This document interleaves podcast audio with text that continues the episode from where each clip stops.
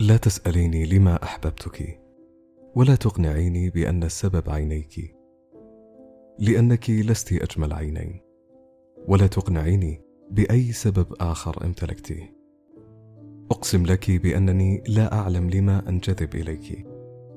بالمناسبة عدم معرفتي بالسبب لا يلغي حقيقة شعوري بالانجذاب. ألم تقرأي ما قاله ليو تولستوي؟ في رواية أنا كارنينا عندما وصف البطل قائلا ثم تراجع إلى الوراء محاولا أن لا ينظر إليها ولكنه رآها فعلا كما يرى الشمس رآها دون أن ينظر إليها. أو كبطل قصيدة جلال الدين الرومي الذي قال ألقاك ولا أراك فرؤية العين رؤية ورؤية القلب لقاء. أنا مثلهم. أشعر بك وبانجذابي إليك لكنني لا أرى أسبابه.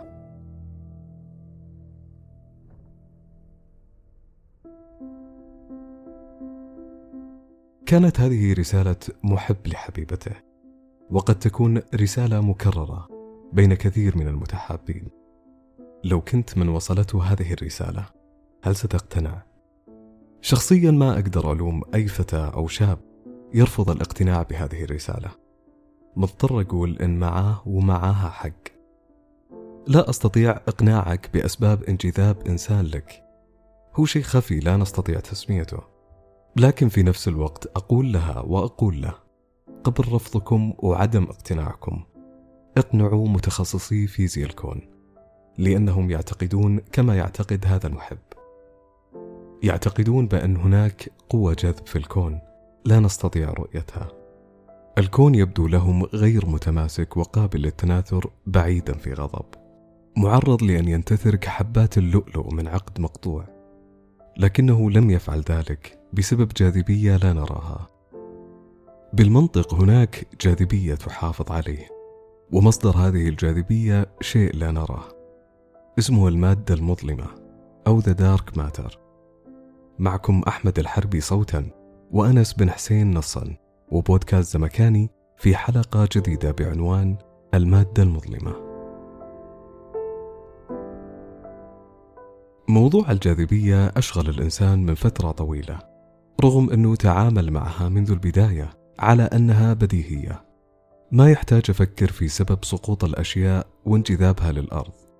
ببساطة لأن الكون كذا. صعب يخطر على بال البشر مجرد التفكير في شيء اسمه الجاذبية لكن العقل البشري عظيم وفعلا ناقش هذا الموضوع من أيام أرسطو حيث وضع تصور غريب عن الكون لأنه يبغى يحل مشكلة ليه تنجذب الأشياء للأرض وما تطلع للسماء. وضع نموذج الطبقات الأربعة أو الأجسام الأربعة الأرض النار الماء والهواء. هذه الأجسام أو المركبات تتألف من عناصر أصغر الرطوبة الحرارة البرودة والجفاف. لو اجتمعت الحرارة والجفاف كونت منتج النار. الحرارة والرطوبة تكون الماء. المهم أن الأرض مكانها مركز الكون أو بالأصح في أسفل السلم. لذلك كل شيء ينتمي للأرض وينجذب إليها. الهواء فوق أعلى السلم. لذلك الأشياء اللي تشبه الهواء زي الغاز تنجذب لفوق. العرب أثاروا وأثروا موضوع الجاذبية وقالوا أن كل جسم في الفضاء له جاذبية ويأثر في معادلات الحركة ونظام الكون كله. نيوتن والتفاحة أثبتوا أن كل شيء مو بس الكواكب والنجوم كل شيء له كتلة له جاذبية وكل ما زادت الكتلة زادت الجاذبية. وأخيرا جاء أينشتاين وحط نظرية الأشهر اللي سمينا بودكاستنا باسمها. نظرية الزمكان. كان التصور القديم أنه في شيء مثل الحبل هو اللي تستخدمه الأجسام ذات الكتلة لجذب الأشياء. وحبل هنا تبسيط لمفهوم الجاذبية القديم. المهم أن الجاذبية كان يعتقد أنها خط مستقيم. يسحب الأشياء للأجسام ذات الكتلة الكبيرة. كان هذا التصور عالق في ذهن البشر لحد ما جاء أينشتاين وقال الكون وكأنه قطعة قماش. لو كبرتم صورة القماش بكاميرا مايكروسكوبية فراح تشوفوا تقاطعات القماش رأسي وأفقي. خيوط كثيرة متقاطعة. الكون عبارة عن نسيج تتقاطع فيه خيوط الزمان والمكان. قماش ينثني ويتأثر إذا سقط عليه شيء. طيب تخيل الكون قطعة قماش وتسقط عليه كرة. القماشة ستنثني. وكل ما زادت الكتلة زاد انحناء القماش أو الزمكان. هذا هو سبب الجاذبية انحناء في نسيج الكون. سبب كتلة الجسم الساقط على النسيج. الأجسام الصغيرة اللي تسقط في مجال هذه الكرة راح تتزحلق في هذا الاتجاه. ستدور حول هذه الكرة وكأنها استعراض دراجات نارية. تدور الدراجات على الجدران الدائرية بدون ما تضيع على الأرض. طيب السؤال إيش علاقة هذا بالمادة المظلمة؟ راح أختصر علاقة الجاذبية بالمادة المظلمة في جملة واحدة. لم نرى المادة المظلمة أبدا ولم نعرفها ولم نرصد حتى حركتها لكن عرفناها بأثرها في الكون. هذا الكون لم يكن لينتظم ويحافظ على التماسك لولا وجود المادة المظلمة. اللي تعمل كأداة جذب تمنع الكون من الاندثار والتشتت. وخلونا ندخل شوي في التفاصيل. لو حصل في يوم ورددت بيت الشعر المعروف مالي ومالي النجم يرعاني وأرعاه. أمسى كلانا يعاف الغمض جفناه. فأنا متأكد أنك وقتها رفعت رأسك للسماء وأخذت كمية أكسجين كافية. وبدأت في مناجاة الليل. لو كانت السماء صافية وبدون أضواء المدينة راح تشوف العجب. ملايين من العناقيد الكوكبية والأغبرة تملأ الكون. وطبعا ما يحتاج أقول لك أنه كل جسم تشوفه في الأعلى له كتلة عالية. ودام له كتلة عالية إذا له جاذبية عالية كذلك. هذا اللي يخلي المجرات داخل هذه العناقيد متماسكة وما تتفكك.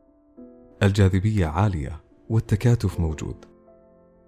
لكن لا الموضوع مو بهذه البساطة. الفيزيائيين كان لهم رأي آخر تماما. العناقيد على اسمها كأنها عنقود أو سبحة فيها كثير من المجرات. والمجرات يوجد بها مجموعات شمسية والمجموعات الشمسية داخلها الكواكب. العناقيد تتحرك بسرعة هائلة في الكون. والمجرات تتحرك أيضا بسرعة هائلة في العناقيد. جميعها تدور بشكل هستيري فالطبيعي أن هذا العقد الجميل أن ينفك ويتناثر في الكون. لكن اللي حاصل هو غير الطبيعي. العناقيد لا تنفك. المجرات مكانها وفي مدارها وهذا معناه شيء واحد. هناك قوة جذب كبيرة جدا جدا هي اللي تلم عائلة العناقيد والمجرات. من الضياع والتشتت. بالأرقام وللتبسيط المجرة تحتاج ستة أضعاف الجاذبية اللي موجودة الآن. يعني الجاذبية المتاحة في المجرة أو بين المجرات ما هي كافية أبدا. كانت هذه المسألة هي أكبر مشكلة تواجه علماء الفيزياء الكونية. كيف العناقيد والمجرات لا تزال ملتصقة ببعض؟ رغم أن قوة الجذب المطلوبة ما تكفي لتماسكها بالأرقام المفروض المجرات تنفك وتتناثر بسبب سرعتها وقوة اندفاعها الحركي. لذلك لابد أن هناك قوة أعظم ست مرات. ماسكة كل هذه المجرات الثائرة. بسبب الحيرة العظيمة اللي حصلت قرر الفيزيائيون يرجعوا لمربع رقم واحد. ويمشوا بالمنطق. كفاية أرقام محبطة وفرضيات قديمة. خلونا نرجع للبديهيات وللتسلسل المنطقي البسيط ونقول طالما أن المجرات متماسكة مع بعض وما تركت بعضها فأكيد هناك جاذبية. بس وينها؟ وإيش مصدرها؟ مربع رقم اثنين يقول الجاذبية تحتاج مادة وكتلة عظيمة. كمية المادة اللي شايفينها في الفضاء عبر التلسكوبات ما تكفي عشان تنتج جاذبية تخلي المجرات متماسكة إذا هناك مادة خفية ما إحنا قادرين نشوفها قاعدة تعمل عملها السؤال اللي بعده وين هذه المادة؟ هل هي الثقوب السوداء؟ الجواب لا الثقوب السوداء أو المنطقة الموجودة في الزمكان الفضائي كتلتها قوية جدا وهائلة وتم رصدها ورصد حركة المجرات حولها وتم رصد جريمة ابتلاع هذه المجرات. وهذا الشيء ما يفسر كيف المجرات متماسكة. في سؤالنا السابق. الثقوب السوداء يوجد بها جاذبية هائلة لكن سلوكها مو نفس السلوك اللي نبحث عنه. سلوك يحافظ على تماسك المجرات مو ابتلاعها. أحذف هذا الخيار. ونروح لمربع رقم خمسة. ما هو الشيء ذو الجاذبية العظيمة؟ اللي محافظ على تماسك المجرات وعدم تناثرها. هل الجاذبية جاية من عناقيد أخرى ضخمة تغطيها طبقة غيوم سوداء؟ يعني عناقيد ضخمة تستتر بخمار أسود لإغراء وجذب العناقيد الأخرى. هذا الاقتراح أيضا تم رفضه لأن مهما تغطت بسواد فالعناقيد لابد أن يظهر لها نور وإشعاع. مربع رقم ستة. لا زالت المشكلة موجودة. من أين هذه الجاذبية الضخمة؟ قبل ما تيأس عزيزي المستمع خليني أشرحها لك ببساطة.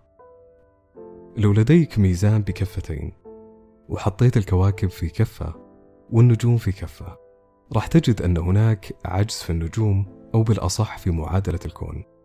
لدينا عجز في عدد المواد اللي تجذب الكواكب لبعضها وتخليها في مجموعة واحدة. طبق هذا الكلام على المجرات وعلى العناقيد.